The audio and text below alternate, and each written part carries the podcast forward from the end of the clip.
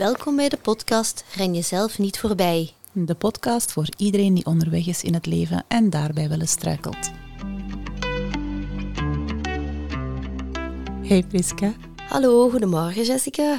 Ehm, daar waar ik vorige keer een heese post-pukkelpop stem had, Ja, heb jij nu een... eh, een krakerige, sexy, Hola. donkere stem. we kunnen eh, geld beginnen verdienen met deze podcast. Eindelijk.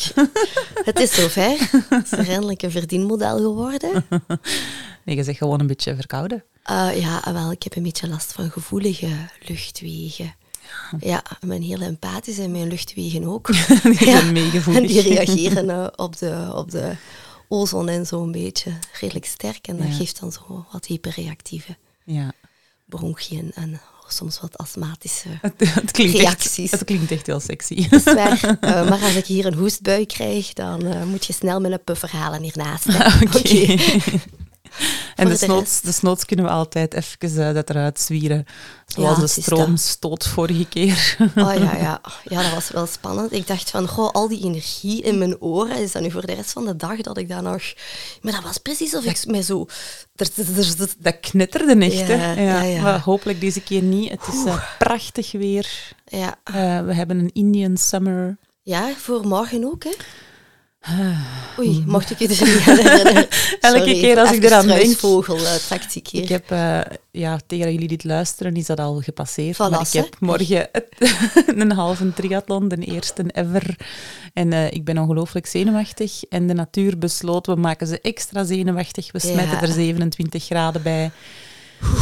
Ja, bon, iedereen weet hoe hard ik hou van eh, lopen in de warmte. Niet dus, En maar bon. voor de luisteraar, halve triathlon, Mm. hoeveel wat van wat is dat allemaal? Het zijn drie sporten, hè? Het is veel. Ja, Het is eigenlijk zijn het vier sporten. Dus het eerste is Ah. 1,9 zwemmen.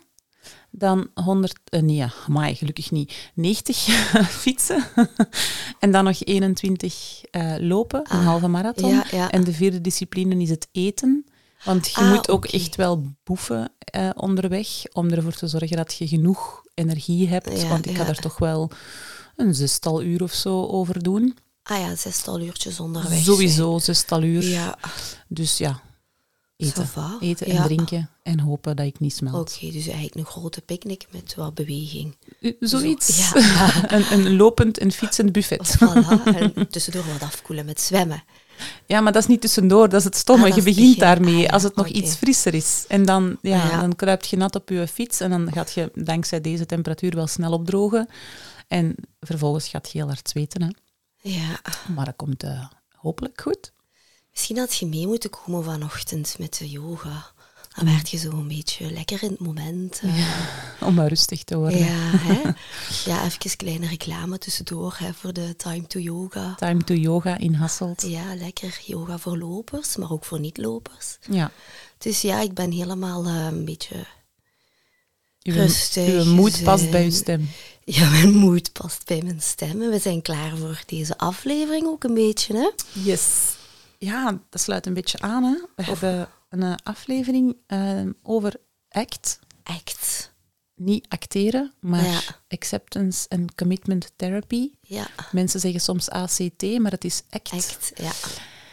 Waarom een aflevering over dit onderwerp? Ehm, ja, we spreken daar soms over, omdat we dat wel integreren in ons werk, maar eigenlijk Ja. hebben we dat nog nooit echt uitgelegd wat dat, dat dan juist is. En Ja. ik heb ook wel vaak volgers op Instagram of cliënten die dan zo vragen van ja, maar wat is dat dan eigenlijk precies? Mhm. En in mijn consultaties zelf ga ik ACT doorgaans niet uitleggen. Een van de valkuilen is, eh, als je ermee gaat werken, dat je erover gaat praten in plaats van het te doen. De dus ik probeer het niet... Ja, een beetje, ja. ja, dus dat probeer ik niet per se te doen in de consultaties en mensen vooral te laten ervaren. Maar misschien is het wel goed om zo eens een keer wat dingen uit te leggen. Ja. En ehm, ja, de luisteraars een beetje te doen nadenken over bepaalde dingen, een beetje te triggeren om eens naar zichzelf en naar hun gedrag Ja. te kijken. Vandaar. En, en hoe ben je er dan mee in aanraking gekomen? Ehm, ja, dat is eigenlijk gekomen door... Hè, ik, ik heb me dan omgeschoold tot diëtiste nadat ik zelf geworsteld had met voeding. Maar ik had tijdens de studies al door... ehm, Ju, dat gaat niet genoeg zijn. En ik was ook ongelooflijk teleurgesteld in de module psychologie toen ik dat dun bundeltje uit het plastiekje haalde. Ah ja. Omdat ik dat zo weinig vond. Omdat ik natuurlijk zelf in mijn eigen worsteling ook wel merkte, het gaat hem niet alleen over gebrek aan kennis van voeding. Mhm. Veel mensen weten wat dat ze zouden moeten doen, in grote lijnen toch, en Ja. doen het om de een of andere reden niet. En ik was tijdens dat ik bezig was met mijn studies, had ik al de mogelijkheid om mensen te begeleiden eh, toen in mijn, in mijn werk toen, eh, met voeding. En daar merkte ik inderdaad, tju, heel veel van de mensen gaan de adviezen die ik geef op een of andere manier niet toepassen. En ik ben eerst dan wat extra coachingscursussen gaan volgen Ja, om ja. Mensen eerder zelf met oplossingen te laten komen en het meer vanuit de mensen zelf te laten komen, eerder dan echt advies altijd maar gewoon voor te kouwen. ja. En dat was al wel goed, maar dat bleef voor mij nog altijd te hard op de oppervlakte. ja. En dan ben ik een beetje gaan zoeken naar, ja, wat, wat is een manier van ja, werken, waardoor dat mensen toch nog op een dieper niveau gaan stilstaan bij wat dat ze doen en waarom dat ze dat doen. ja. En ik weet eigenlijk niet eens precies hoe, maar ik ben bij ACT uitgekomen. Dat is op Ja. een of andere manier, waarschijnlijk volgens het Facebook-algoritme of zo, is dat op mijn radar verschenen. ja. En daar was een zesdaagse opleiding van in Hasselt. Ja. Ik was toen al bezig met mijn praktijk op dat moment. En ja, dat was ja, toch wel life-changing op een of andere manier. Ah, je hebt ook de zesdaagse gevolgd bij Allegre. Ja, Ja. ik heb de zesdaagse gevolgd en dat was toen denk ik zo één dag en dan een paar dagen later nog eens een dag. Dat was zo'n beetje verspreid over verschillende weken. Ja. En enthousiast als dat ik dan was, begon ik ehm, meteen dingen toe te passen bij mijn Ja. cliënten. Ja. Dus ik had dan zoiets van, wauw, die, die oefening of zo heeft heel veel teweeggebracht Mhm. bij mezelf. Ik ga dat een keer doen met een cliënt en eens een keer zien wat dat er gebeurt. En er gebeurde van alles. Ja, ja. Eh, dus dat was voor mij echt wel zoiets van, oké, dat is hier de missing link. Dat is wat ik nodig heb om mensen op een duurzame manier te helpen bij Ja. gedragsverandering in zaken gezondheid. Ja. Ehm, maar ja, zes dagen is heel kort. Ja.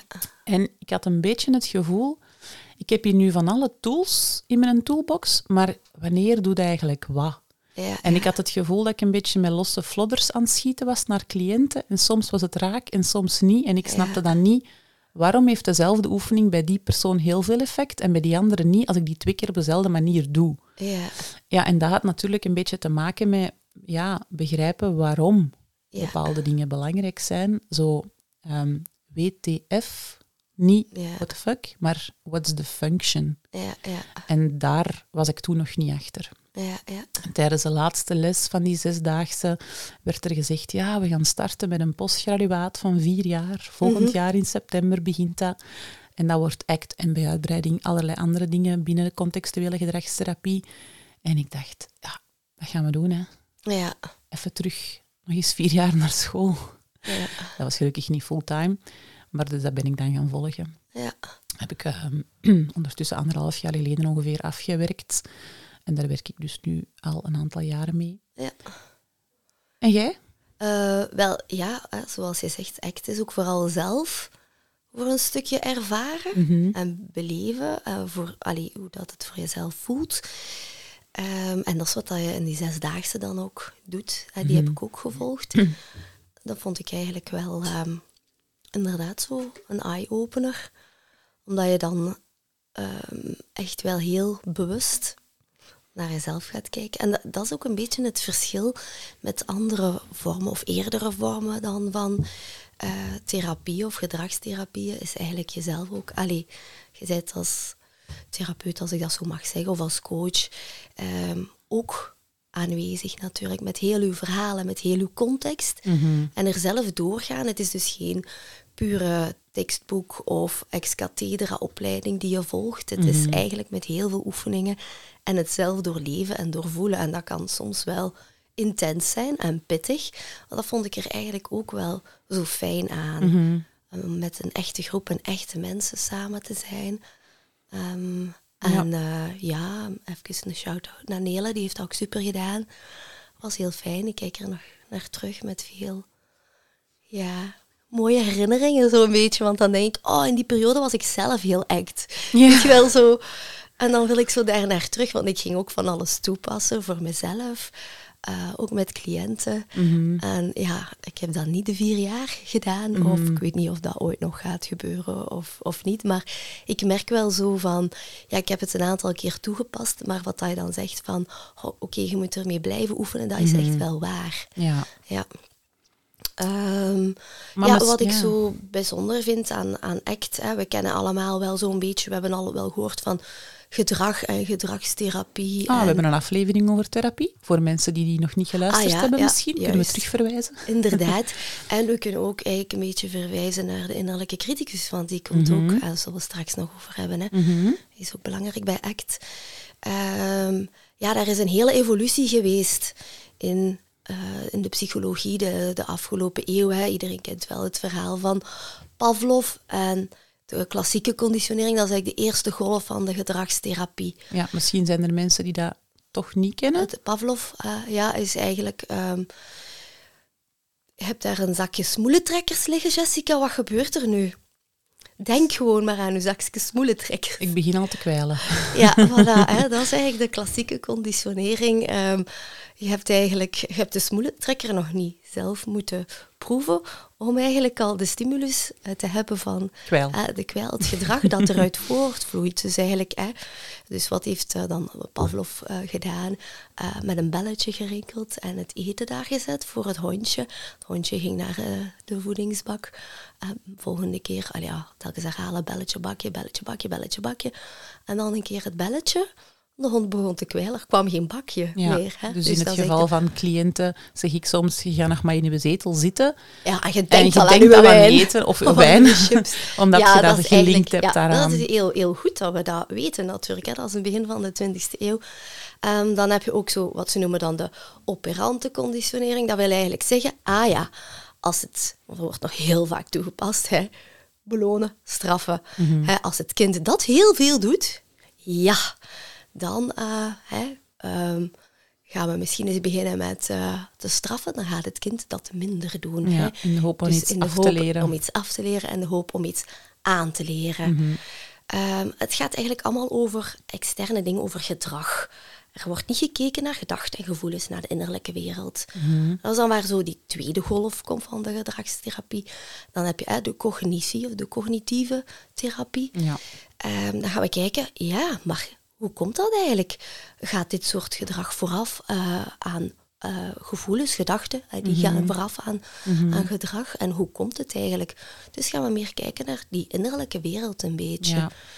Ehm, het wil niet zeggen dat het ene, het is niet omdat nu de act is, eh, wordt, hoort bij de derde golf van de, van de gedragstherapie. Het ene is niet beter of het ander. Of, eh, het is gewoon een, een evolutie die het heeft ja, er blijven doorgemaakt. extra dingen worden Ja. toegevoegd een beetje. Hè? Ja, er worden extra dingen toegevoegd. En Mhm. wat dan nu eigenlijk met, met ACT is, ehm, is dat we niet gaan eh, kijken naar... ehm, we gaan niet die gevoelens en die gedachten gaan veranderen, maar onze houding ten opzichte van Mhm. Ja. die gevoelens en gedachten. Dat is toch het grote Ja, dat is... verschil een beetje. En de, de contextuele Klopt, eh, klopt. gedragstherapie meer. Ja. Ehm, En het, het contextuele slaat hem inderdaad op. Uw gedrag krijgt Ja. maar betekenis als je ook weet wat de context Mhm. daarin is. En ik Ja. geef soms het voorbeeld: stel u voor, iemand steekt zijn arm omhoog. Waarom doet hij dat? ja, Wat denkt hij? om iets te vragen. Ja, in de context van een klaslokaal Ja, ja. betekent arm omhoog steken waarschijnlijk Ja. die wil iets vragen. Ja. Maar in de context van een restaurant wil hij misschien iets bestellen. Ah, ja, ja. In de context van een, een zere schouder wil hij misschien gewoon zich stretchen. Zat hij bij Nele in de yoga, dan was dat misschien een yoga-oefening. Of komt hij morgen aan bij de triathlon? Steekt hij de twee armen in de lucht? ja, dus uw context verklaart mee wat de functie is van het gedrag dat iemand stelt. Ja, En daar gaan we een beetje naar gaan kijken. ja, ja. Eten langs een buitenkant ziet er gewoon uit als eten. Ja, als gewoon een basisbehoefte toch, hè? Ja, maar eten kan veel meer betekenen. Ja. Kan bijvoorbeeld een manier zijn om u af te leiden, om comfort te bieden. Kan zelfs een manier zijn om u wat te verdoven, bijvoorbeeld. Ja, ja. En dus we moeten een beetje gaan kijken naar de context waarin gebeurt dat gedrag. En die context bestaat niet alleen uit de situatie langs een buitenkant, maar inderdaad ook innerlijk. Wat gebeurt er innerlijk? Welke gedachten heeft een persoon? Welke gevoelens heeft een persoon? En die stuurt het gedrag. ja. En veel mensen zijn zich daar niet van bewust. Dat is de, de 3G, hè? de gedachten, gevoelens, gedrag. Gewaarwordingen wordt soms ook erbij genomen. Ja. Ehm, nu, misschien moeten we een beetje gaan, gaan uitleggen wat dat dan zo de verschillende componenten zijn binnen ACT. Ja. De, de vaardigheden. Mhm. De mindfulness. Ja, eigenlijk is het is een beetje zo hoe dat ik er ook wel wat ben bij terechtgekomen. Ja. Inderdaad, ja. Wat is mindfulness? En is dat puur gewoon zitten mediteren op een berg of op een matje?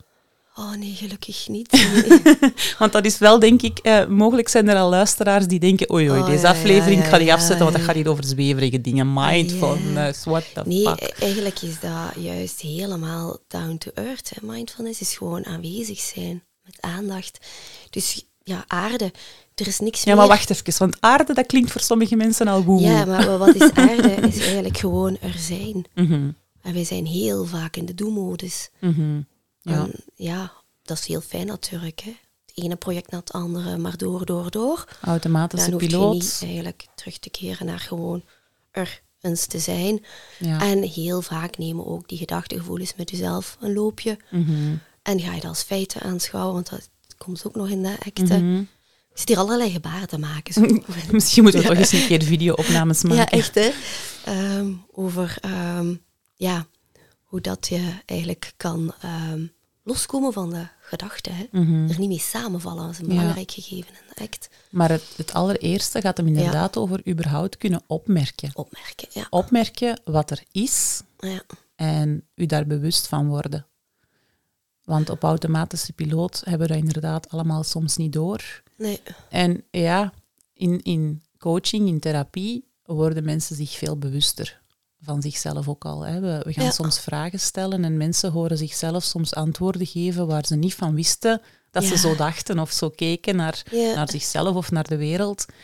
En ehm, ja, dat gaat een van de dingen zijn waar dat we mensen een beetje in gaan trainen ja. om te leren opmerken. Ja, met aandacht. En, en dat is ook een stuk wat, wat mindfulness is.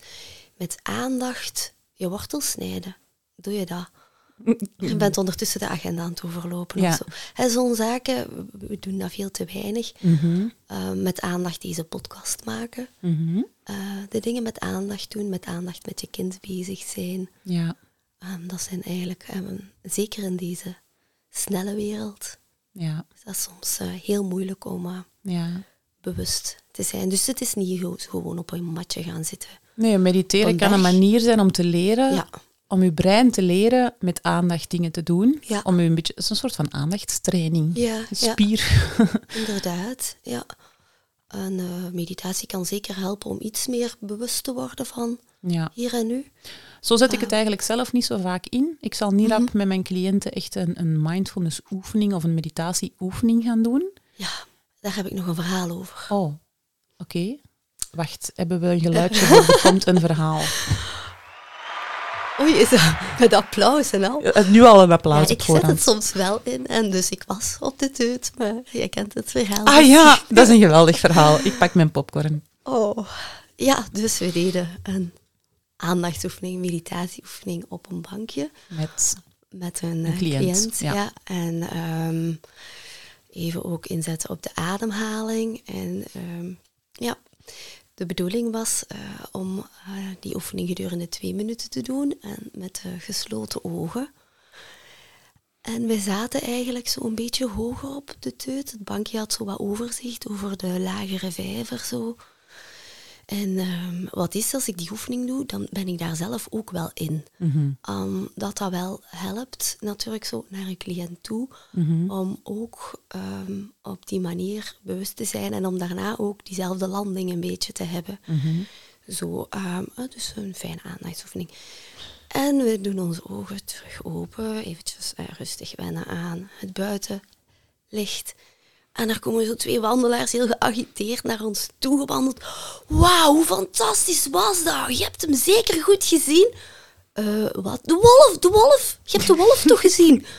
Eh, eh, hoezo? Ja, hij liep van daar, dus ik ben weer aan het wijzen, hè, van links naar rechts, volledig in jullie gezichtsveld. Hoe kan dat nu? Eh, ja, wij waren een oefening aan het doen met gesloten ogen. De ademhaling zo'n beetje. Allee, eh, De wolf De wolf is dus zo'n groot beest, dat kan toch niet? En wat doet je hier dan op dat bankje? Die mensen waren echt zo totaal, totaal, ja, allee, zo, ja, ont, ontzet, omdat, ja, dat kan niet. Dat je... Dus ooit heeft één keer de wolf eh, een passage gemaakt op de teut. Je hebt het niet gezien. Ik heb het niet gezien. Maar ja, misschien heb ik een beetje de energie van de wolf gevoeld. Ik weet het niet.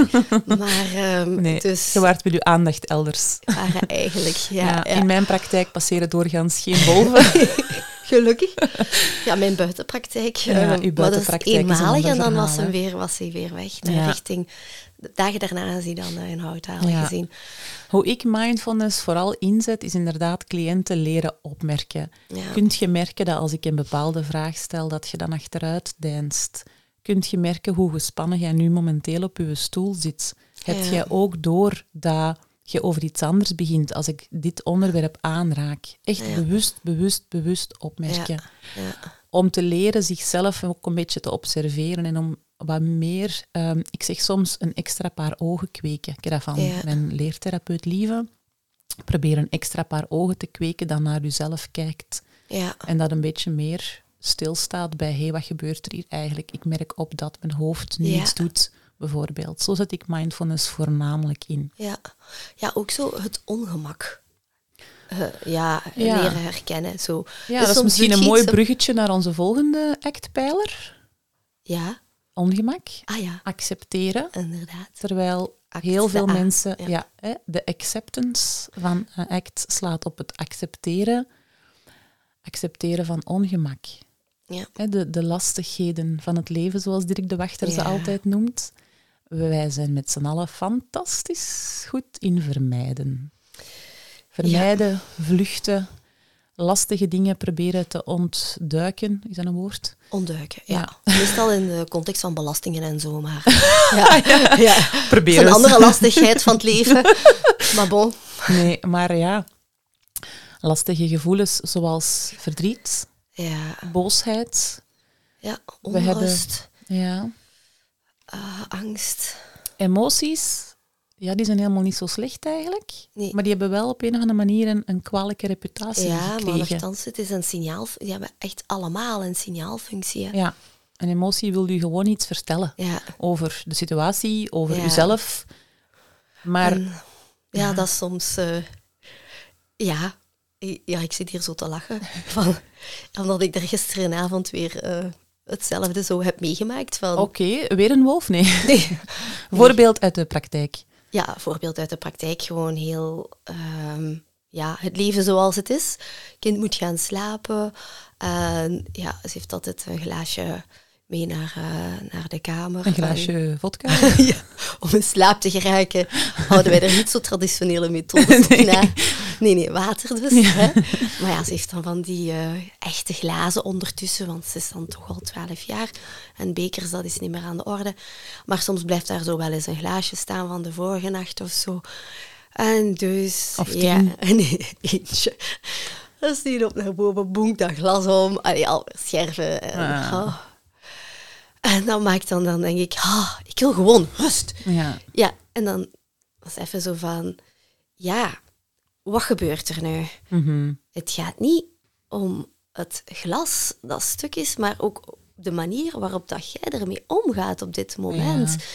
Want jij wilt rust en dat glas verstoort dat nu misschien, maar je kunt even goed rust hebben. Mhm. Want je bent dan gefrustreerd, want ja, nu moet je dat gaan opkuisen. Die scherven is dan op haar blote voeten, je kent het allemaal wel.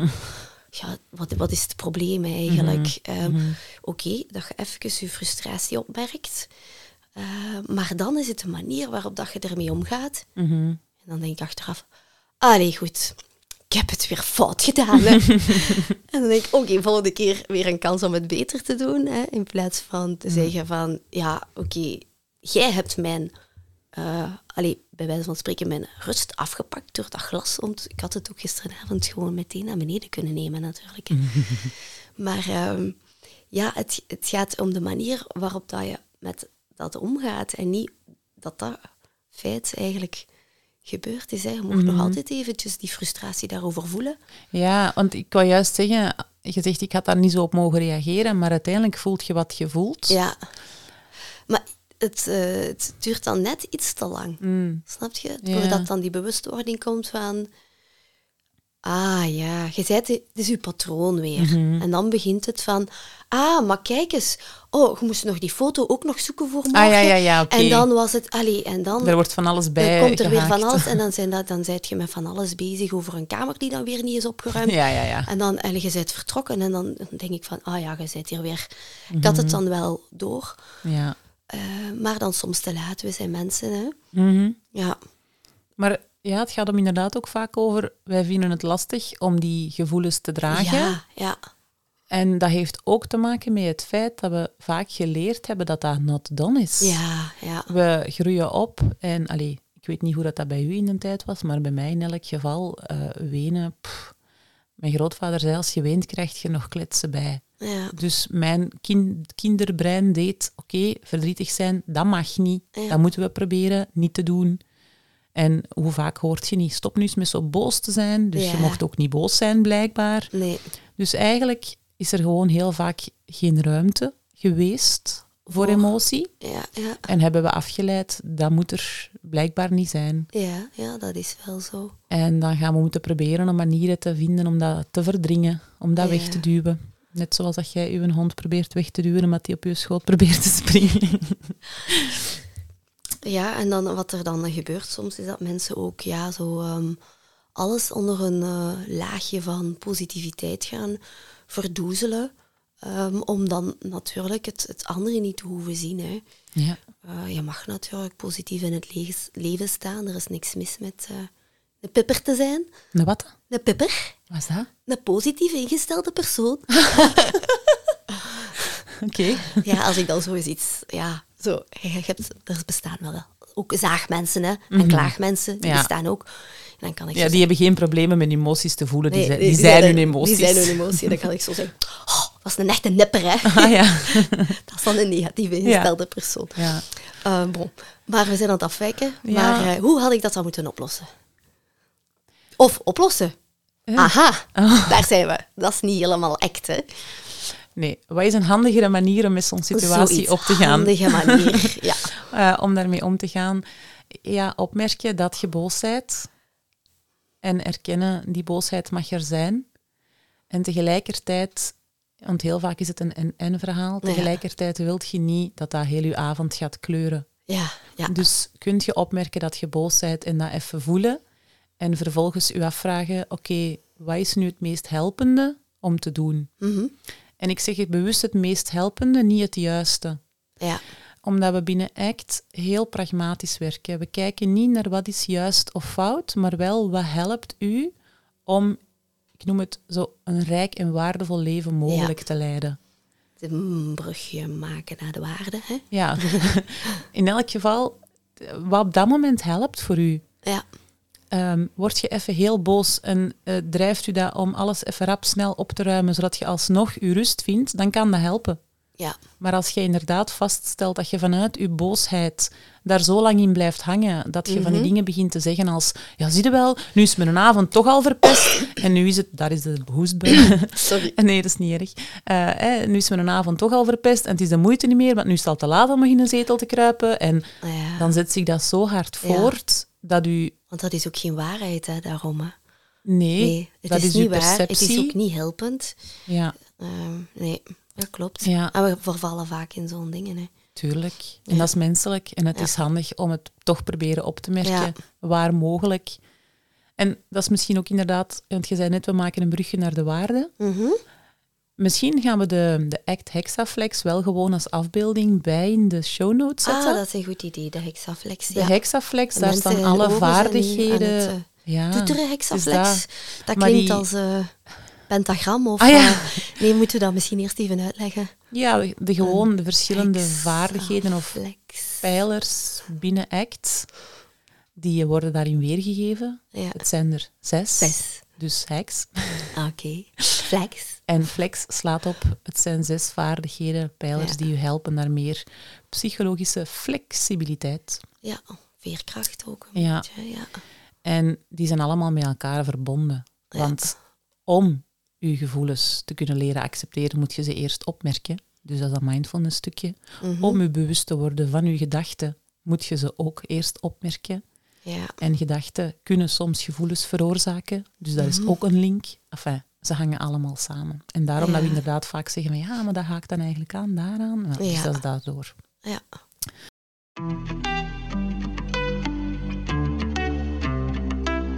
Het opmerken van onze gedachten. Ja. In ACT heet dat fusie.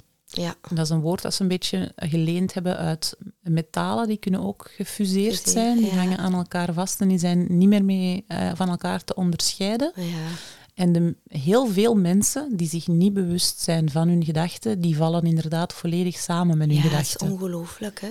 Het is alsof je een bril op hebt en je niet bewust bent van het feit dat je die bril op hebt. Ja, En je kijkt ja. met die bril naar de wereld en dat is allemaal waarheid voor u. Ja. Kunnen we daar een voorbeeld van geven?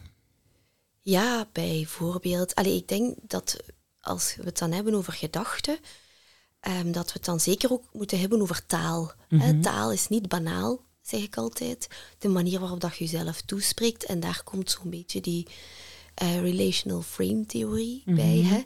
Ehm, dat is een eh, moeilijk begrip om eigenlijk uit te leggen dat je door taal eigenlijk ehm, dingen aan jezelf gaat toe-eigenen. En Dat wordt een, eigenlijk een identiteit of een eigenschap.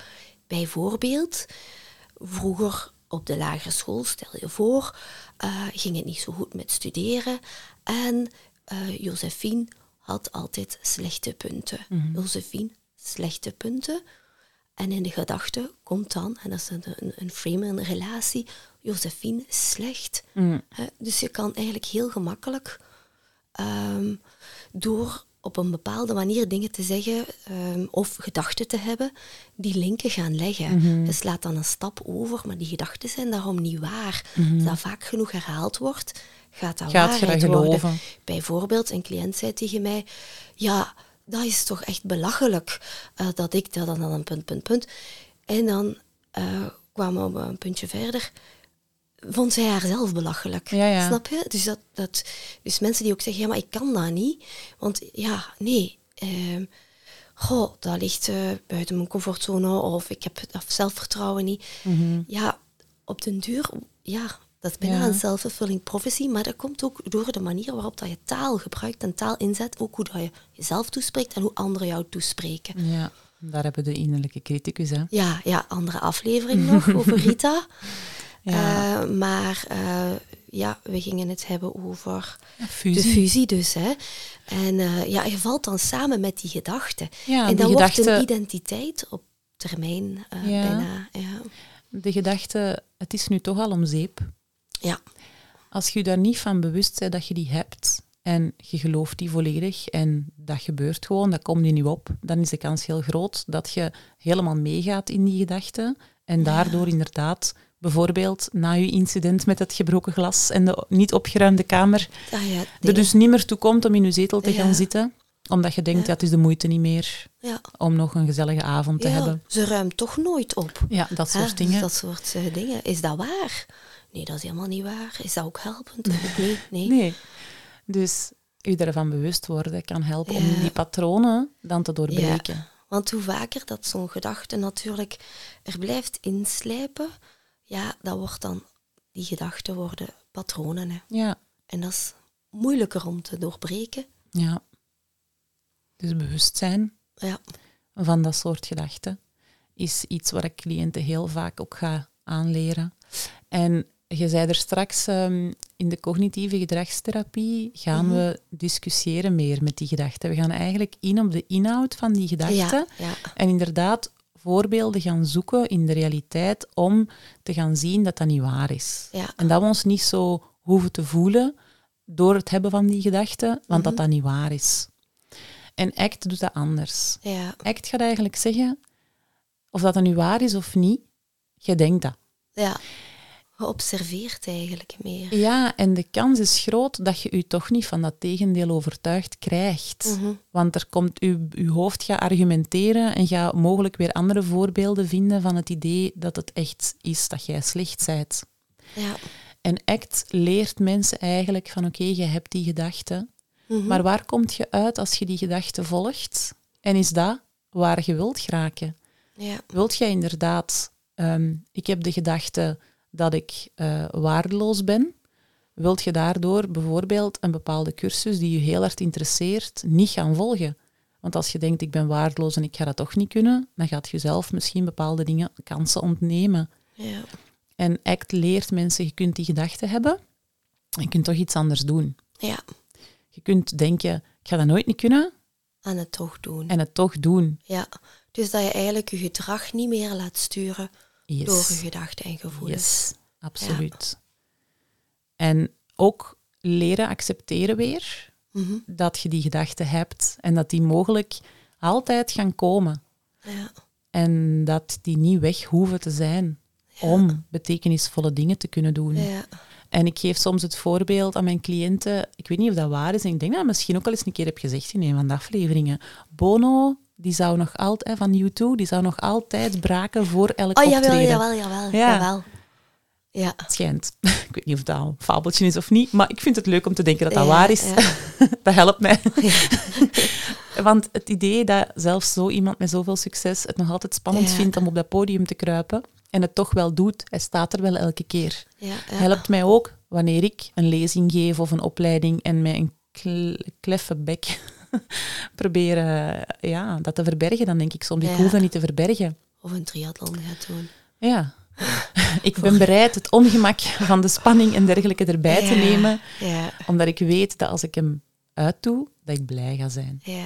En ik kan wel denken, oh, ik ga weer als laatste aankomen en hoe gênant is dat? Whatever. Ja. Ik kan het alsnog doen. Ik kan op een podium staan om een lezing te geven en Ja. super zenuwachtig zijn en klamme handjes hebben en denken, oh nee, die persoon daar die is echt totaal niet geïnteresseerd, Ja. moet proberen die ook nog mee te krijgen of zo.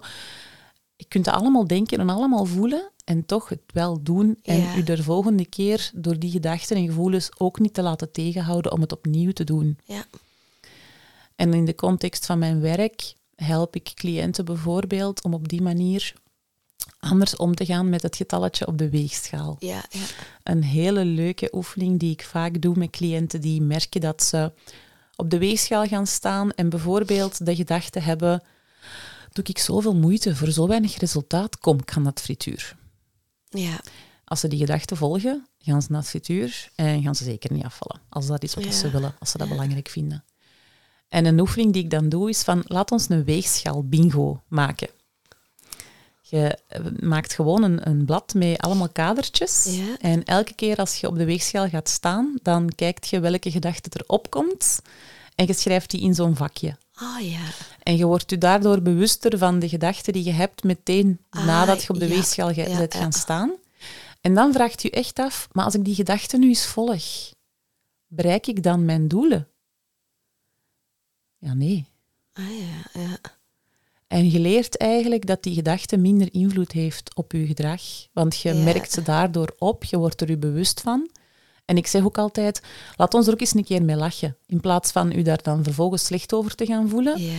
Merk op, ik heb die gedachte. Allee, mijn brein heeft weer een creatieve eh, excuus gevonden om naar het frituur te mogen gaan. Ja. En ik ga daar niet in mee. Ja.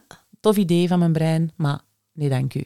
Want als ik echt stilsta bij wat ik wil, dan is dat niet dat. Ja. Ja. Ja, het is wel zo dat dat maakt je leven gewoon veel rijker en gevulder. Mhm. Zo met ja, de waarde waarvoor dat je kiest hè, in Ja. je leven. Zo, ehm, Dat is een andere echtpijler. ja, ja om- omdat je veel bewuster omgaat met de dingen. Allee, ik vind dat het zo een toevoeging is. eh, wat dat ik merkte van voor act, zal ik zeggen. Er is een leven voor Ja, en een leven na ja. act. Zo van, eh, wat ze zeggen, jumping to conclusions is zo van, Ah ja. dit is dat, dus dat. Dan Ja. hoeft het niet meer. Dus het wordt heel zwart-wit. Ja. Soms hè, werd het. en eh, er is een, een heel gebied daartussen. Wat dat Fifty compleet, Shades of Grey. echt waar, onontgonnen is. Wat dat je gewoon kunt ja, ervaren en voelen en eh, beleven. Door, eh, het is ook niet zo dat je continu de dingen moet gaan in vraag stellen. En oh ja, ik ben hier nu, eh, ben ik bewust of ben ik te bewust, ben ik niet bewust. Oeh, dan wordt het ook. Maar Nee, nee. ik wil zeggen, het, er is wel een verschil met ervoor en erna, vond ik. Zo. Ja. ja. in het leren opmerken van die gedachten en die gevoelens Ja. en, en de bril waarmee je naar de wereld Ja. kijkt, ontstaat meer keuzevrijheid. Ja, dat is het, ja. En meer veerkracht. En dat is ook die, die psychologische flexibiliteit, Ja. Een beetje. Ja. Ja. we zijn misschien een beetje van de hak op de tak aan het gaan, maar er zit Ja. veel in, in, in act, hè. Het hangt eigenlijk allemaal samen en Ja. ik hoop dat het dankzij de voorbeelden wel duidelijk wordt Ja. ehm, waar dat we een beetje naartoe willen met het wat uit te leggen.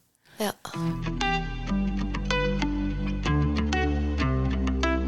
Dus welke hebben we al gehad? We hebben onze mindfulness gehad, het leren opmerken van wat er is, dat er werkelijk is, en niet wat ons hoofd ervan vertelt dat er is. ja. Nog een voorbeeld daarvan. Ik heb die denk ik ook aangehaald, maar dat is niet erg, hè? herhaling werkt.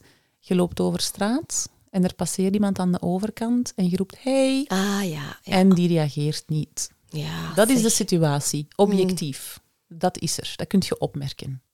En vervolgens kan je hoofd daar van alles van maken.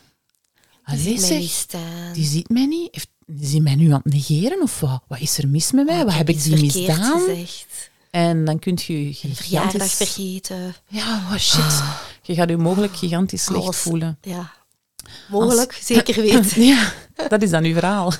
Maar als je dat kunt opmerken en kunt stilstaan bij het feit, maar wacht eens even, dat is mijn hoofd dat daar van alles Ja. van maakt. Is dat waar? Nee, is dat niet waar? Is dat helpend? Ja. Als ik dit nu denk, is dat Ja. helpend. En vaststellen, het is een interpretatie die ik nu doe. ja. Misschien is het waar, hè? En dan moet het opgelost worden. Maar er is Ja. maar één manier om het te weten te komen en dat is het checken. ja. Doe eens een belletje. Ah, zeg, ik had u gezien, hoe is het? Zoiets. Ziet u mij niet meer staan of wat? Ja. maar leren opmerken van uw gedachten Ja. en van uw gevoelens en lastige gevoelens erkennen. En in, in de context van mijn werk gaat het dan voor een stukje over ik voel mij slecht Ja. en ik wil me niet slecht voelen, dus ik eet, Ja. bijvoorbeeld. En cliënten hebben dat soms al door, soms ook nog niet. Maar ja, er is een verschil tussen het doorhebben en dan ermee kunnen stoppen. Ja. Ja. Dus ik ga mijn cliënten echt tools geven om te leren, voel maar. Ja. Wat Kelly in onze aflevering over journaling ook zei.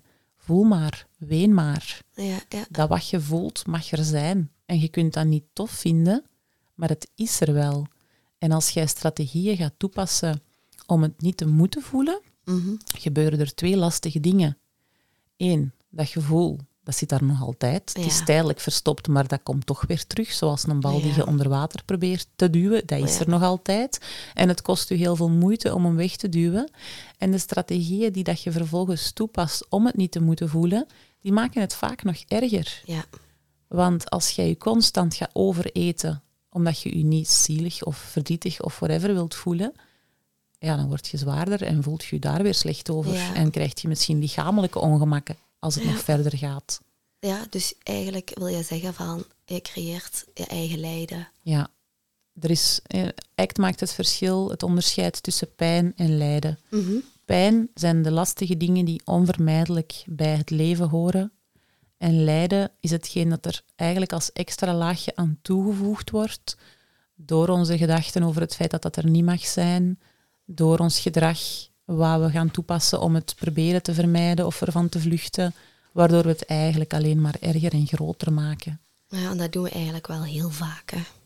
Ja, en dat, ja, dat is inderdaad deels omdat we dat gevoel niet willen toelaten. We vinden dat lastig. We hebben ook geleerd dat dat not done is. En in werkelijkheid gaat dat gevoel eigenlijk ook wel voorbij vanzelf, zonder dat we daar heel veel voor moeten doen.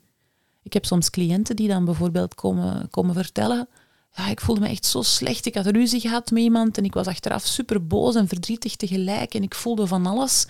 En normaal zou ik zijn gaan eten, maar ik ben eigenlijk op mijn bed gaan liggen en ik ben gewoon beginnen wenen. En dat luchtte zo hard op. En Ja. daarna kon ik alles een beetje relativeren. Kon ik zien, oké, Ja. die heeft dingen gezegd, ik heb dingen gezegd. We waren alle twee niet op ons best. Ik ga die bellen en we gaan het uitpraten. Ja. En het gevoel is vanzelf weggegaan. In plaats van dat ze het heeft weggegeten. ja. Wauw, top hè? Amai. Ja. Mhm.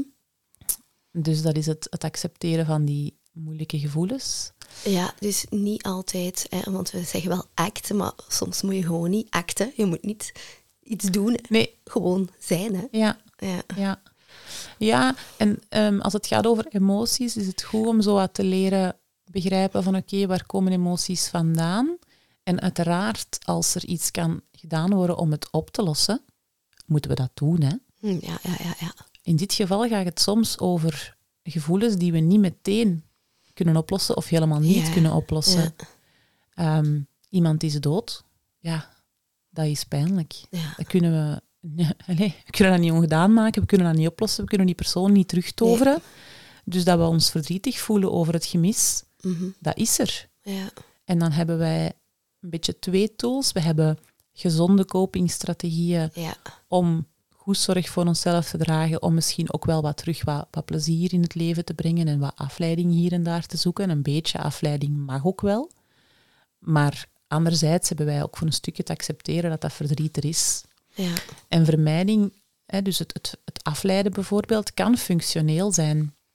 Als ehm, jij een heel belangrijke presentatie hebt opstaan en je bent net iemand verloren en die presentatie is voor u zo belangrijk dat je ze wel wilt laten doorgaan, dan kan het goed zijn om je gevoelens wel even weg te stoppen ja. om die presentatie tot een goed einde te brengen. En dan eventueel niet onder stoelen of banken te steken. Dit is net gebeurd. Dat heeft wel een beetje impact op hoe ik mij voel. Dus vergeef mij als ik een beetje afweziger ben dan jullie van mij gewend zijn. Dat is perfect menselijk om dat dan te delen. En als we alleen maar altijd dat wegstoppen, ja, dan komen we dus in de problemen terecht. Ja, dat is een goed voorbeeld dat je geeft van ehm, ja, hoe dat je zelf dan ehm, aanwezig bent en over die dingen dan communiceert. Mhm. Ehm, dat is ook iets wat dat in ACT eh, ook is. Mhm. Eh, de coach of therapeut of zo is zelf ook Ja. een iemand. Mhm. Dus waar dat je dan in de vroegere ehm, therapieën meer eigenlijk had van er is een afstand tussen ja. de cliënt en de therapeut, Mhm. is dat eigenlijk wel minder hè, binnen ACT. ja, je je, tonen eh, dat je ook Zelf menselijk ook bent. in de context staat natuurlijk, Ja. met heel je verleden, Ja. toekomst en heden. Ehm, en ook ja, de dingen gebruikt die je op dat moment in eh, jouw eigen leven ook van toepassing zijn, of hoe dat je het hebt eh, beleefd. Hè. Ja. Dus het is, het is heel erg ervaringsgericht. Hè. Ja, en je kunt dat ook inzetten een beetje in de therapeutische relatie tussen jullie Ja. twee. Vroeger werd er inderdaad zo'n beetje op gehamerd van hey, je, mocht, je moet altijd die afstand bewaren en je mocht niks persoonlijk delen en hey, geen oordelen en dergelijke. Maar dat is binnen ACT inderdaad wel een beetje anders. Dat wanneer bijvoorbeeld een cliënt iets zegt wat u als persoon raakt, dat je dat ook teruggeeft. Dat je dat ook Ja. deelt en dat je dat kunt tonen en dat je ehm, dat wat dat er tussen jullie gebeurt, kunt aangrijpen als manier om ook van Ja. te leren. Ja, ja. Omdat inderdaad, cliënten zijn zich soms niet bewust van bepaald gedrag en stellen soms bijvoorbeeld gedrag wat dat door andere mensen in de omgeving als kwetsend ervarend kan, Mhm. eh, kan ervaren worden. En cliënten zijn zich daar niet van bewust. Dus stel dat je als coach of als therapeut zelf merkt, die cliënt doet dat hier en nu ook en ik voel mij gekwetst door deze reactie, is het eigenlijk alleen maar eerlijk om dat terug te geven Mhm. van kijk, ik, ik, ik vermoed dat je dat niet met slechte bedoelingen doet, maar als je dat op deze manier zegt, dan komt dat eigenlijk op mij kwetsend over. Ja. En ik kan me wel voorstellen dat dat misschien bij andere mensen in uw context ook gebeurt. Zijt u daarvan bewust? Heeft nog iemand al eens een keer verteld, bijvoorbeeld? Ja, Dus die eerlijke spiegel voorhouden, die wordt gemakkelijker wanneer jij er als mens ook zit. Ja, ja. Want er gebeuren ook dingen bij u. En als het gaat over het accepteren van emoties, en bijvoorbeeld tranen is een uiting van emotie. Ja, de cliënten die mij goed kennen en die al een tijdje komen, die hebben mogelijk mij al zien wenen in consultatie.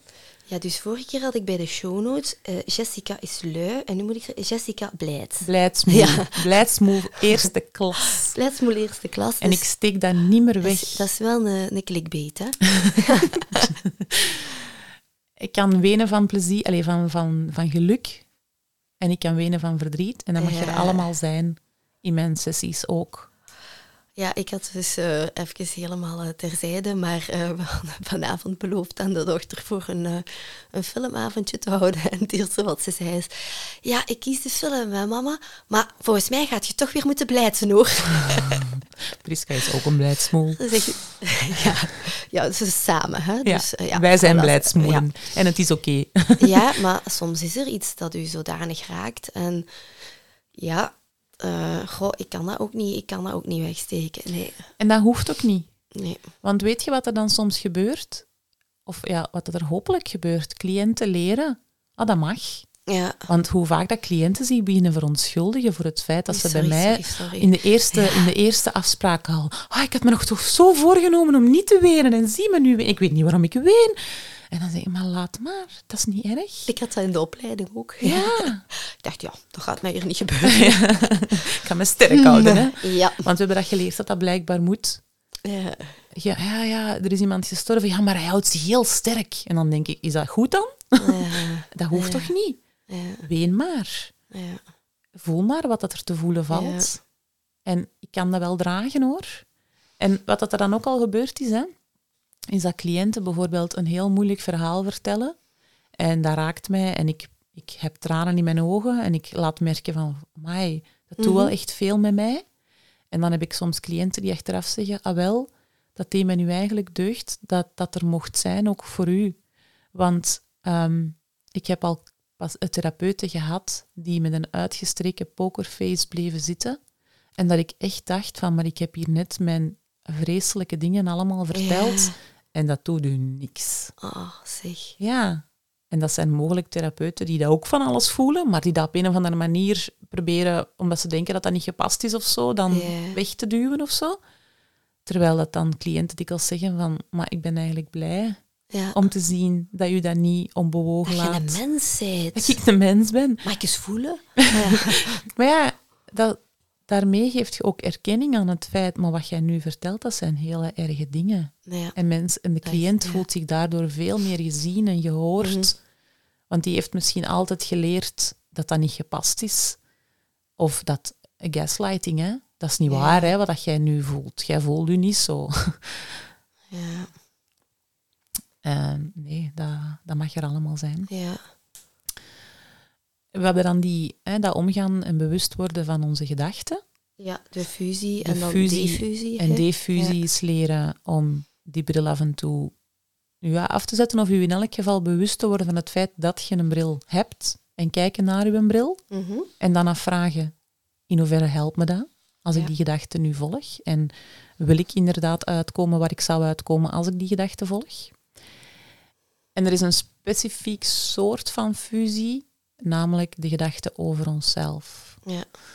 We noemen dat in ACT onszelf als inhoud. Ah ja, wanneer dat we ja. een bepaald beeld hebben over onszelf en daar volledig mee samenvallen. Vallen. Ik ben nu eenmaal zo. Ik ben een emo-eter, zeggen Ja, cliënten. En ik zeg nee, je hebt dat geleerd van te doen. Dat is gedrag, dat is niet wie dat je bent. Want dan leert je cliënten daar wat meer afstand tot nemen tot die gedachten over zichzelf. Ja. En dan wordt het een zelf als context. Jij zelf zet ook een context waarin de dingen gebeuren, waarin jij gedachten en gevoelens hebt en die definiëren u niet. Dus het is ook niet omdat je eh, ja, moeilijke dingen hebt meegemaakt dat je beschadigd bent, bijvoorbeeld. Mhm. En ehm, ook daar is vaak wel wat werk te verrichten bij mensen. Ja. Omdat ze zo conclusies hebben getrokken over wie ze zijn en wat ze waard Ja, zijn, wat ja. ze mogen, wat ze niet mogen. Hetzelfde, ja, een beetje met bewegen van... Ja, ik, ik ben niet sportief hoor. Ik ben Maar- lui. Ja, ja. Bij. Ja, voilà. In, Ja. de zin, in die zin zijn we allemaal een beetje ja, geconditioneerd om eh, onze reserves te, te bewaken en te Mhm. bewaren natuurlijk. Ja, maar ehm, ehm, ja, het is ook omdat we dan gaan kijken, ja, ik, ik, eh, ik kan geen vijf kilometer lopen. Niemand heeft het over vijf kilometer, niemand heeft het over tempo's. Mhm, Hetzelfde als hè, het, het gewicht met het, mhm, eh, het gevecht met het gewicht of het Mhm. cijfertje dan. Eh, zijn daar ook cijfers hè, die ook als, als fetisch kunnen gaan werken. Ja. Hè? Want ehm, ja, nu moet ik, nu, ik heb ooit starttouren gedaan hè, en, ik kon wel een half uur lopen, hè, Ja. maar het, het gaat daar dan op dat moment niet over. Hè. Het gaat Mhm. om, ehm, ja, Plezier vinden erin. ja, inderdaad, en bewust worden van ehm, een aantal dingen. En eh, in de eerste plaats ook ongemak bijvoorbeeld. Hè. Hoe hoog zit die ademhaling? Mhm. Hoe voelt zoiets? Dat is een ongemak dat je ook voelt als je hoog in de stress zit bijvoorbeeld. hè. Mhm. Dus op dezelfde manier eigenlijk een beetje dat je ACT kan toepassen in, in de runningtherapie wel. Ja, Nu, we hebben dat niet zo gezien in de opleiding. Vond ik wel een beetje jammer. Maar voor elk van de eh, hoekjes van de hexaflex eigenlijk kan je daar ook metaforen en lichaamswerk Mhm. bij eh, doen. tuurlijk. Die een act eigenlijk, ja, en in dan eh, wandelcoaching en, en loopcoaching kunnen, kunnen toegepast worden. Dat is wel heel fijn. Mhm. Dus ik heb zo'n beetje mijn eigen allee, toepassingsgebied daarin gevonden. Ja, ja. Ehm, en heel veel oefeningen die we hadden meegekregen wel van Nele, ja, daar zat ook al beweging in. Er Ja, zit ja. heel veel beweging in ACT. Dat vond ik zo tof. En toen dacht ik, wow, ah, dit Ja. en dat. En dan kan ik dat dan doen en dan dat. En, ja, en de metaforen, die, die gebruik ik sowieso. Want daar hebben we het nog niet over gehad, hè. Nee. Over de metaforen. Ehm, ja, die zijn sowieso heel erg fijn en gebruikelijk om te maken met natuurcoaching of eh, bewegen als metafoor voor het leven.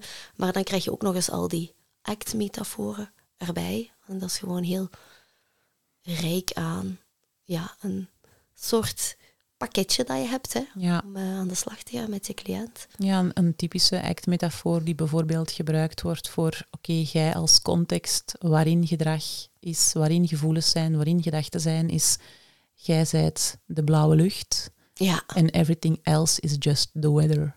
ja, ja. Ja, dat is de wolken die oh, maar die, passeren. die, doen wij heel vaak zelf gewoon. Hè. Wij doen die gewoon, hè, die metafoor. Hoe? Wij doen die.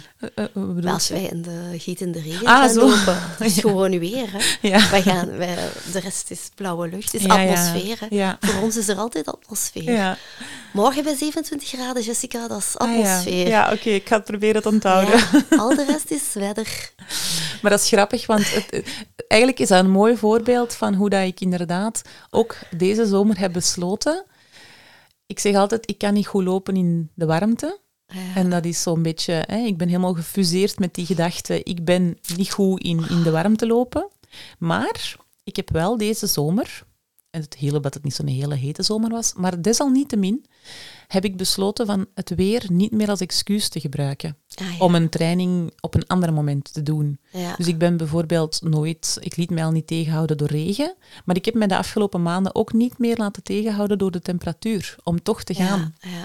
Dus als ik zag, ehm, in mijn planning komt donderdag tijdens mijn middagpauze het beste uit, maar het is 27 graden, dan ging ik gewoon. Ja, En dan paste ik desnoods mijn tempo of zo aan, ja. maar ik ging wel. Serieus, Omdat ik besloten had, ik ga me daar niet meer door laten tegenhouden en ik ben bereid het ongemak van de temperatuur erbij te nemen. En op zich ben ik er misschien ondertussen al iets beter in geworden dankzij die aanpak. Zeker weten. Ja. Dat is En- een toegewijde actie die je dan hebt gedaan. Hopla! We zijn bij nog een act-pijler terechtgekomen. Ah Ja, het is hier het ene bruggetje na het andere. Ja, zo werkt dat in act. Ja. Toegewijde actie is die dingen doen die je helpen om een rijk en waardevol leven te leiden, Ja. ondanks lastige dingen in de context. Want nu lijkt het misschien soms voor de luisteraar die nog niet helemaal vertrouwd is met ACT of zo, ja, die doen altijd maar door, hè. Want als het nu stormt of het is 32 graden, je moet doordoen. Maar dat is ook niet waar, hè. Eh, het is eigenlijk, het geeft u de psychologische flexibiliteit om te kiezen. Ja, dus je kan ook nog altijd ja, een keuze maken om ehm, rustig yoga te doen ja. in de schaduw, dat Klopt. mag. En u niet schuldig te voelen over het feit dat je dan niet bent gaan lopen. Of te accepteren dat je je een beetje schuldig voelt. Ook. Ja, nog beter zelfs. Leren accepteren. Dat is waar. Een stuk van mij zegt, ik zou eigenlijk moeten aan het lopen zijn. En een stuk van mij voelt zich niet schuldig Ja. dat ik niet aan het lopen ben. En dat is oké. Ik ben bereid om dat Ja. ongemak nu even te dragen. Ja. Omdat een ander stuk van mij weet dat het gezien deze context echt wel intelligenter is Ja. om het nu niet te doen. Dat is ook een toegewijde actie. Absoluut. Ja, helemaal zo. Je gaat rekening houden met alles in de context. Ja, En dat is inderdaad dan bijvoorbeeld iets wat dat we zien als mensen worstelen met een eetstoornis en ze hebben bijvoorbeeld bewegingsdrang. Mhm. mijn hoofd zegt elke dag dat ik moet sporten, bij wijze van spreken. Mhm. En ik weet dat mijn hoofd dat vindt. Ja. En ik doe het niet. Ja. Want als ik op een afstandje daarnaar kijk, dan weet ik, dan is er een stuk in mij dat ook weet dat dat de eetstoornis is die dat dan nu zegt. Ja. En om een rijk en waardevol leven te leiden, is het belangrijk dat ik mij ja, een beetje flexibeler ga opstellen ten opzichte van al die gedachten die mijn eetstoornis mij influistert. Ja. Dat is trouwens ook een, een diffusiemanier. Hè. Geef, geef die gedachten allemaal een naam. In dit geval Ja. de eetstoornis zegt dat. Ja. En we hadden ook onze innerlijke criticus, ons Rita Ja. en ons Josian, Josian, ja. ja, daarvan bewust zijn. En dan kiezen. En, en toegewijde actie om inderdaad alsnog stappen te zetten in de richting die u uiteindelijk het meeste Ja. gaat opleveren. Ja. Ehm, wel rekening houden met de context, maar niet u daar volledig door laten bepalen. Ja. En ehm, ja, cliënten die bij mij in begeleiding komen en die bijvoorbeeld al heel veel diëten gedaan hebben. Ze zijn al bij vijf collega-diëtisten geweest. Ze hebben al een keer Herbalife geprobeerd. Ze hebben al een keer proteïneproducten online ergens besteld. Maar het marcheert niet. Ja. Eh, ten eerste, vaak eh, als ik dan een beetje doorvraag, zeggen ze ja, maar dat werkt wel hoor, maar ik val uiteindelijk, kom ik elke keer terug bij. Ja, dan werkt het eigenlijk niet. Ja. dus we gaan dat niet opnieuw doen, want hoe goed heeft dat dan gewerkt? Maar ook ehm, creëer ik dan soms een beetje de, de ruimte om met cliënten te zeggen, zullen we het deze keer anders aanpakken? Zullen we niet hals over kop opnieuw in advies duiken? Want dat heb je al vaak geprobeerd. Ja. Want eigenlijk, al die vorige diëten, dat was vragen van uw cliënt, kom, hup, hup, toegewijde actie, hier en nu. Ja. Zonder dat, ze de, ja, Ja. zonder dat ze de vaardigheden hebben Ja. om, wanneer het lastig wordt, wanneer ze merken dat hun hoofd eh, niet helpende gedachten heeft, of Mhm. ja, ze merken dat niet, dat is het probleem, Ja. ja, dan, dan loopt het mis. Ja. En dan zijn ze gefrustreerd en het zelfbeeld wordt dan nog maar eens een keer aangetast en Ja. bevestigd. Zie je wel, je kunt het niet. En dan gaan we weer Ja, dus ik, ehm, terug naar af dan. ik eh, ga cliënten dan... Ah, een metafoor die ik dan soms gebruik is bijvoorbeeld... Als jij in het verleden ehm, een dieet begon, dan was dat zoals het bouwen van een kaartenhuisje. Dat kan er heel snel behoorlijk indrukwekkend uitzien. Verdieping na verdieping zet je neer en je denkt, wauw, amai, dat staat hier Ja. snel. Ja. Maar er hoeft niet veel te gebeuren of het kaartenhuisje stort in. En dan zet je teleurgesteld en voelt je je gefaald en la la la la. Wat als wij starten met een stevige fundering te bouwen? Eerst, dat wij eerst eens een keer gaan kijken, willen we eigenlijk wel een kaartenhuisje? Willen we niet liever een stevig stenen huis, zoals in het verhaal van de drie Ah, ja. biggetjes, dat niet omgeblazen kan worden door de wolf? en dat kan lijken alsof dat, dat inderdaad dan wat langer duurt. Hè? Want als, je, effectief een huis begint te bouwen, die fundering graven en je moet misschien eerst zelfs nog een bodemonderzoek doen tegenwoordig en eh, zo van die dingen. Dat duurt allemaal wat langer. Maar eens het er staat, Ja. staat het er wel. Ja.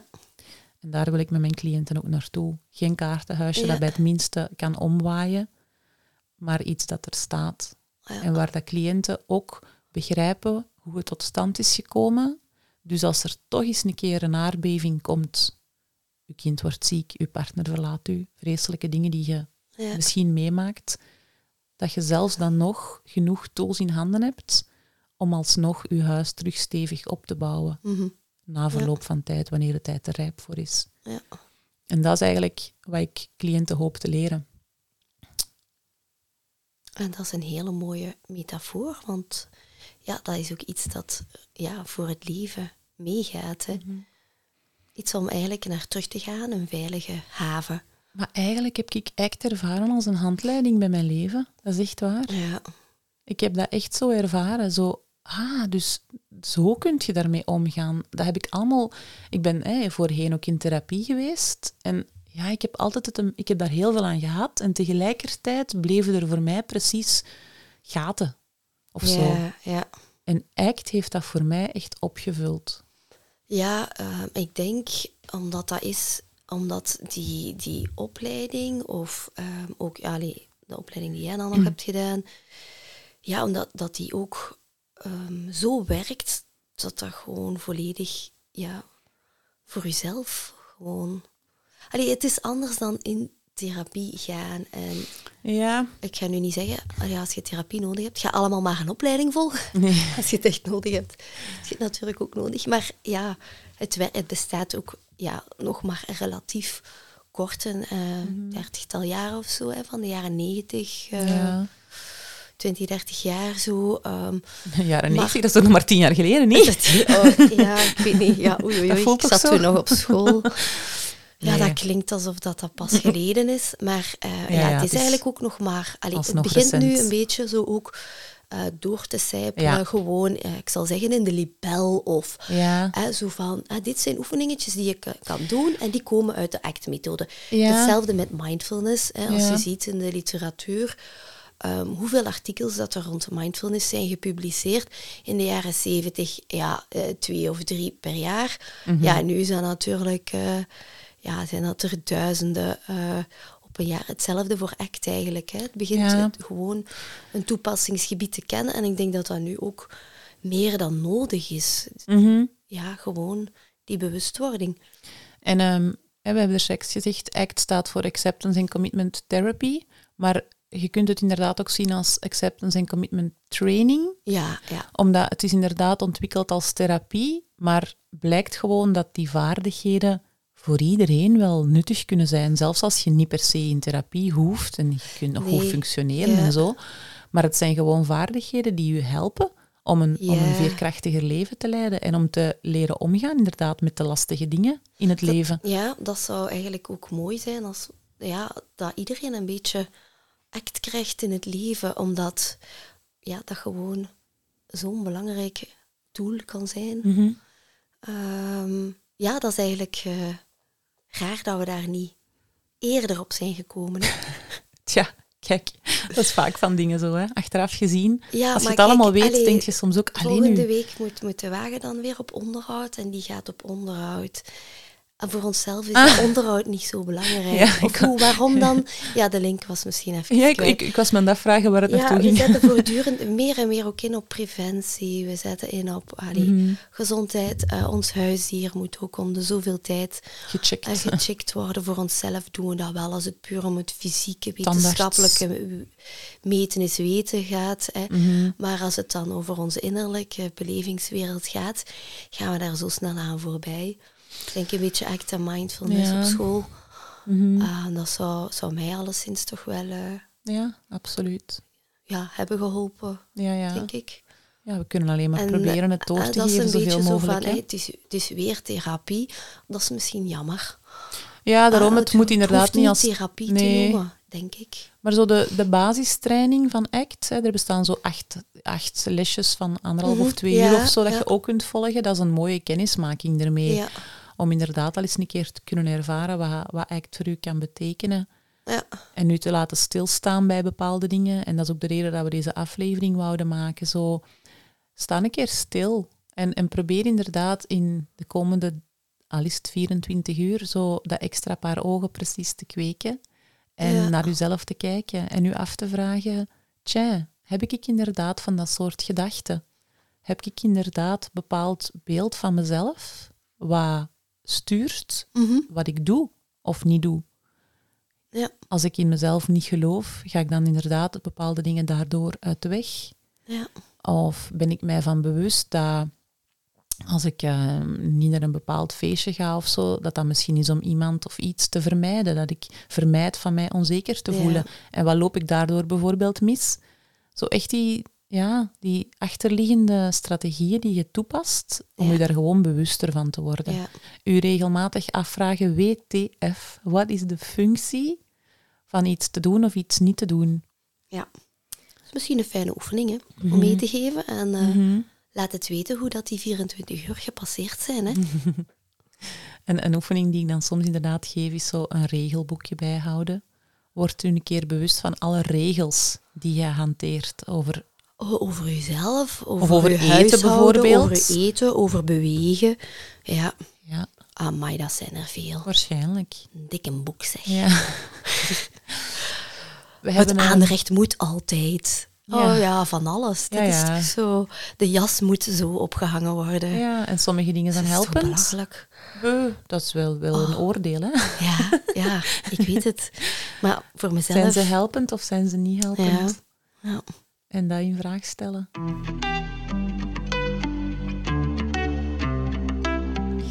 We hebben het eigenlijk nog niet zo uitgebreid gehad over de waarden. Hè? Nee, dat is misschien wel nog eventjes als... Nee, eventjes. Eventjes is moeilijk, hè. Voor waarde. Ehm, Het gaat erover.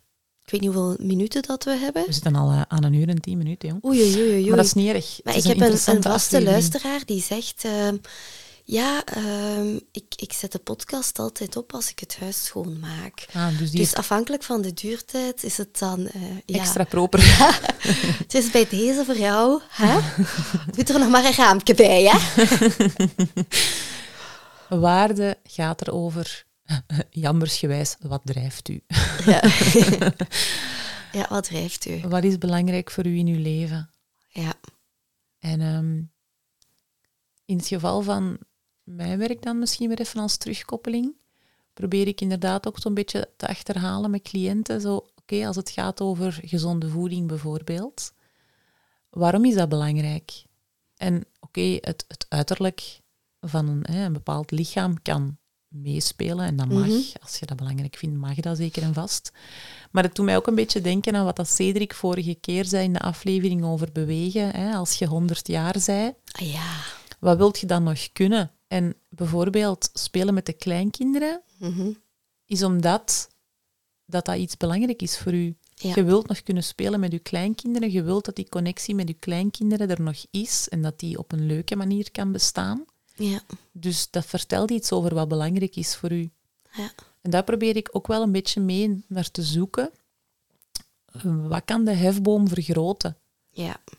om dat gezond gedrag toch te stellen op momenten dat het lastig wordt, dat het misschien moeilijk wordt? Ja. Dat is één manier hoe ik waarde inzet. Ehm, een andere manier om te werken rond waarde ehm, heeft bij mij ook een beetje te maken met contentement. Ja. Omdat we bijvoorbeeld zien, stel dat iemand ehm, op bepaalde vlakken in zijn of haar leven echt niet goed scoort, die bijvoorbeeld geen voldoening haalt uit het werk, kan dat een aanleiding zijn om bijvoorbeeld te gaan emo eten. Ja. En dan kun je wel zeggen, je voelt je slecht en leer dat dragen. Ja. of leer zinvolle copingstrategieën toe te passen. Ja. Maar als we iets kunnen veranderen aan dat werk, waardoor die wel voldoening haalt, dan Mhm. is de nood misschien ook wel gewoon weg. Ja. Dan kom ik een beetje terug op, oké, problemen of, of emoties oplossen. Ze mogen ook op, opgelost worden Ja, als ja, dat ja, kan. Want soms wordt ACT eh, ook een beetje hè, eh, afgekort als eh, accept, Mhm. choose en dan een T van take action. Mhm. Ja, over uw hè, keuze, keuze als actie, toegewijde actie. Hè? Ah, ja, ja, ja. Ja. ja. ja. Dus ehm, ja, dus Ja. accept, choose, take action. ja. En de waarde doe je daar soms ook oefeningetjes rond. Om, ja, hoe komen mensen tot hun waarde? Want soms, hè, dan vraag ik, eh, of dan, hè, hoe ziet uw leven er op dit moment uit? Waar ben je mee bezig eigenlijk? Mhm. En wat zou je graag willen? Hè? Hoe, hoe, hoe zou uw leven er anders uitzien? En mensen gaan heel vaak zo in details. Zo van, ja, en eh, ik merk dan, ik ben dan s'morgens in die ochtendrush en dan zo en zo. En ik voel me altijd opgejaagd. En we gaan heel vlug in Doe. de orde van Ja. de dag. En een doe, doe, doe. En dan proberen we daaruit toch een waarde te filteren. Bijvoorbeeld, ja, en dan ben ik, rijd ik naar daar en naar daar. En eigenlijk wil ik op woensdag gewoon ook eens die match zien van mijn zoon. Ja, Ah, hier hebben we een waarde. ja, Dat is verbinding. Ja. Je wil verbinden met je gezin. ja. Eh, maar soms is dat moeilijk, want mensen staan niet voldoende stil Nee. en zitten zodanig in, in die doe. In die dan, en dan is dat moeilijk om zo Mhm. ehm, ja, de waarde echt vast te stellen. Ja, En mensen kunnen het soms niet voor hunzelf en dan moeten wij hun daar ja. een beetje bij helpen. Mhm. Ehm, er is ook zo'n lijst met waarden. Soms helpt dat wel om daar eens even over te gaan. Mhm. Om zo s- te zien van, ah ja, autonomie.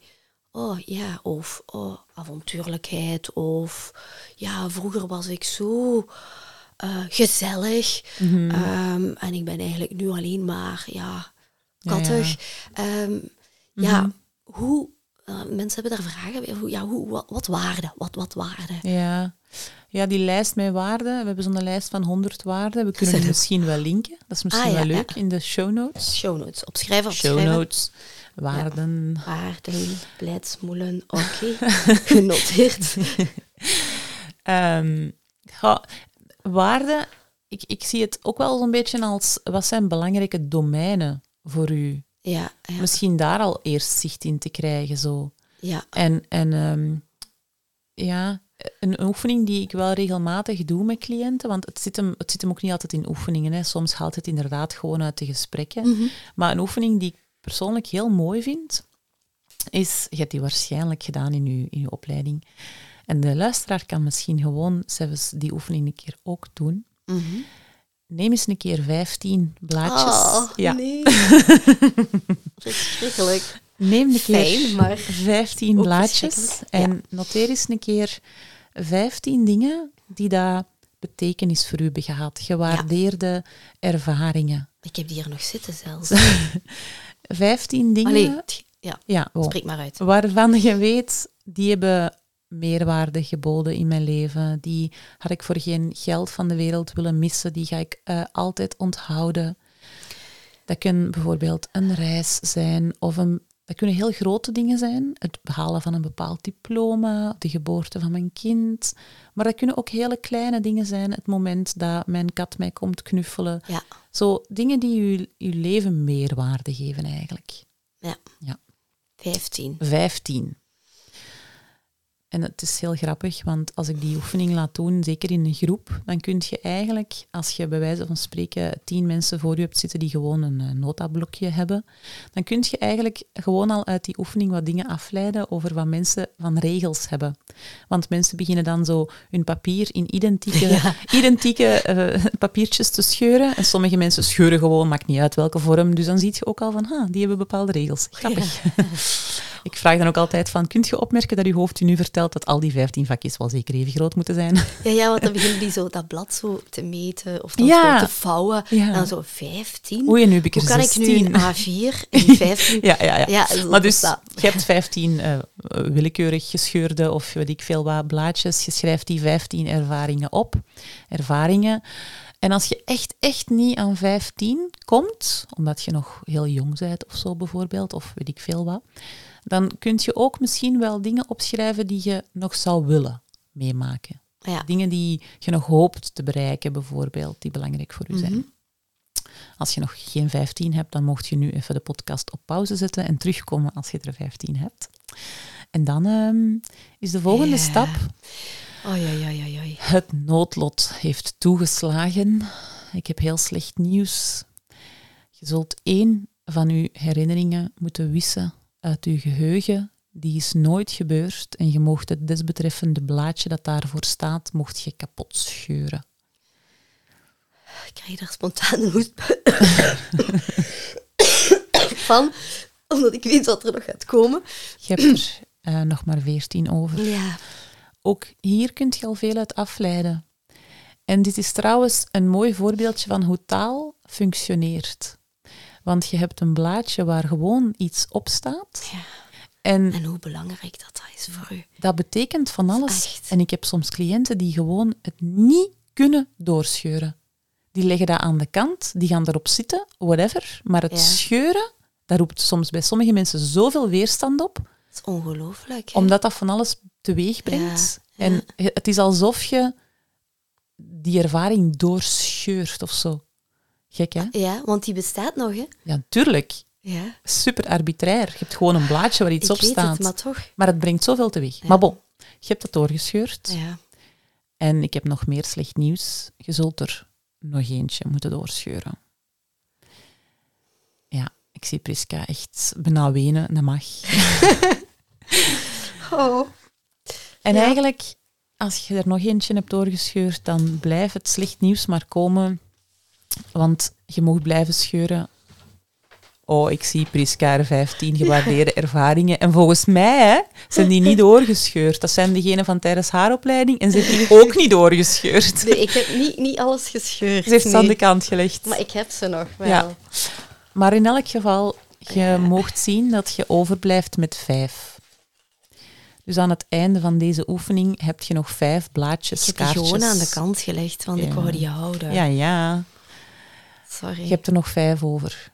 En dan is de vraag, Vijf, ja. na die, als je er nog vijf over hebt, is de vraag, ja, wat merkt je op? Ja, Welke rode draad loopt er? Zijn dat, zijn dat vijf dingen die op zich niks met elkaar te maken hebben? Of zijn daar, eh ziet je daar parallellen? Zit er daar inderdaad bijvoorbeeld gezelligheid als... Tja, ja, ik, ik zie hier bijvoorbeeld knuffelen met mijn kat staan, maar mijn partner is er ook een van. En eigenlijk, wat daaraan vind ik dan zo belangrijk? Ah ja, dat is die Ja. verbinding. Dat is die connectie die ik dan Mhm. aanga met die persoon. Of als het gaat over, ik heb toen een bepaalde reis gemaakt. Oké, wat daaraan maakte dan Ja. dat die zo vergeet, ah, Ja. dat je die niet wilt dat vergeten? gaf je misschien een gevoel van vrijheid. Vrijheid of, Of- nieuwe dingen ontdekken.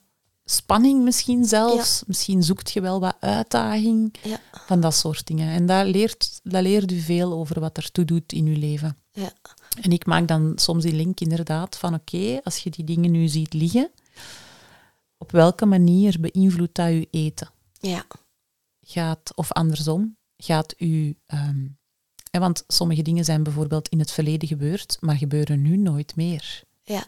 En dat kan een teken zijn dat er op dit moment misschien dingen missen en Mhm. dat je die zult moeten terug creëren, daar terug eh, daar actie rond ondernemen en dan verdwijnt de behoefte om je vol te stoppen met eten misschien, bijvoorbeeld. ja.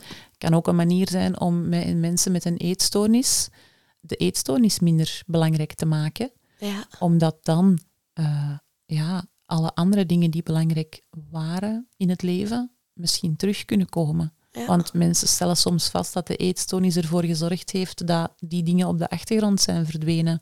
En dat ze die door de eetstoornis niet meer beleven de dag van vandaag en dat ze die terug willen. ja. En dat wakkert het vuur aan om te vechten tegen de eetstoornis, om die dingen terug meer te kunnen hebben in hun leven. Ja.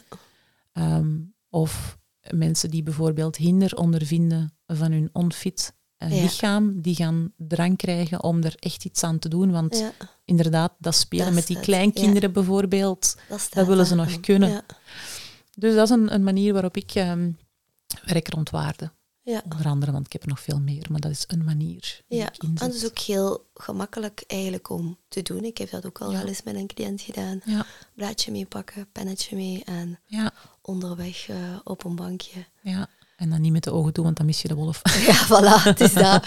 Nee, nee, die is, eh, Maar eh, ja, Ja. zo'n oefening is eigenlijk het is goed om regelmatig eens voor jezelf ook eens te zien van, ah, misschien zijn, ja, niet regelmatig, maar zo om de paar jaar misschien eens te zien van, Ja. eh, hoe zijn mijn waarden misschien een beetje veranderd. Ja, dat mag en dan ook. eens terug ja. te gaan kijken naar wat ik hier op deze had eh, Ja, ja. geschreven nog. En in hoeverre dat je daar inderdaad naar leeft. Want dat kan een, een reden zijn waarom je je op een of andere manier niet, niet goed voelt. En Ja, je, je snapt dat soms niet. nee. Ik heb dat, ik heb dat soms met cliënten. Allee, ik heb nu eens alles om gelukkig te zijn en ik ben het niet en ik snap niet hoe dat, dat komt. ja, En dit kan dan zo'n manier zijn om daar zo'n beetje naar te gaan polsen. ja, Ehm, en te gaan kijken op welke domeinen kun je misschien toch terug meer actie gaan ondernemen. ja, Dus ja, voor de mensen die het nog niet door hadden, ik ben misschien wel diëtist, maar het stukje contextuele gedragstherapeut in mij maakt wel dat ik dat helemaal opentrek. En dat ik alles ga onderzoeken wat dat daar enigszins verband mee kan houden. Ja. Want je doet niet toevallig wat dat je doet met Nee, eten. dat is waar. Ik denk dat we eigenlijk alles rond ACT wel een beetje hebben aangeraakt. Van heel ver. Eh, ja, het is natuurlijk hè, in een uurtje, een uur en een half. Allee, ja, het is, het is Ja. een beetje ACT voor dummies. Of, ja, het is alsof je een foldertje over. ACT zou gelezen hebben. Ja, misschien zoiets. Ja. Kunt je er enigszins iets bij voorstellen? Met wat voorbeeldjes wel, ACT in actie. Ja. Ehm, ja, een, een korte inleiding zullen we zeggen. Een korte introductie. Ja, Er zijn ook wel wat boeken over ACT.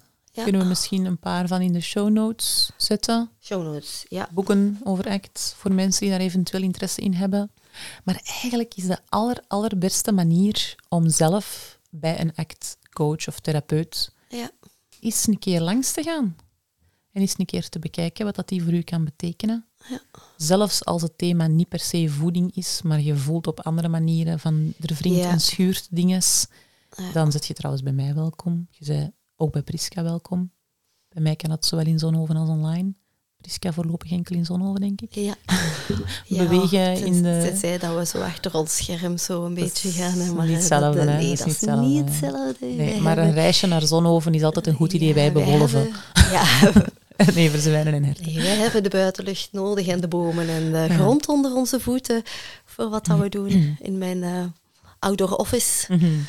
Ja, maar dus altijd welkom. En ik vond het weer een hele fijne aflevering. Ik ook. Ik vind echt, echt, ja... Het, klinkt soms als een secte, hè. Ja, ja. Oei, klonken we zo. Ik weet het niet, maar Laat ik heb dat gevoel weten, soms. De adepten. Als eh, dit een beetje aanhangers. vreemd klonk, eh, dan eh, ja, en ook raar. Waarom hebben we er nog geen aflevering over gemaakt eerder? Want dit is nu de hoeveelste? 22, 23? Ik weet Mhm. het tel kwijt. Ja, zoiets. 23, denk ik. Ja, ja, ja. Ja, ik weet het eigenlijk ook niet. Waarom niet? ja. Ja, bon. Goed. Bij deze alsnog een act aflevering. Ja. En, ehm, Geniet ervan. Laat zeker weten of je er iets mee gedaan hebt als luisteraar, als je er iets door hebt ingezien. Wij zijn heel benieuwd naar wat dit soort afleveringen ook Ja, teweeg kunnen brengen. ja Alle zeker. afleveringen eigenlijk. We love your feedback. Dank u Bring it wel. on. Ja, Doei. en tot de volgende keer. Dag.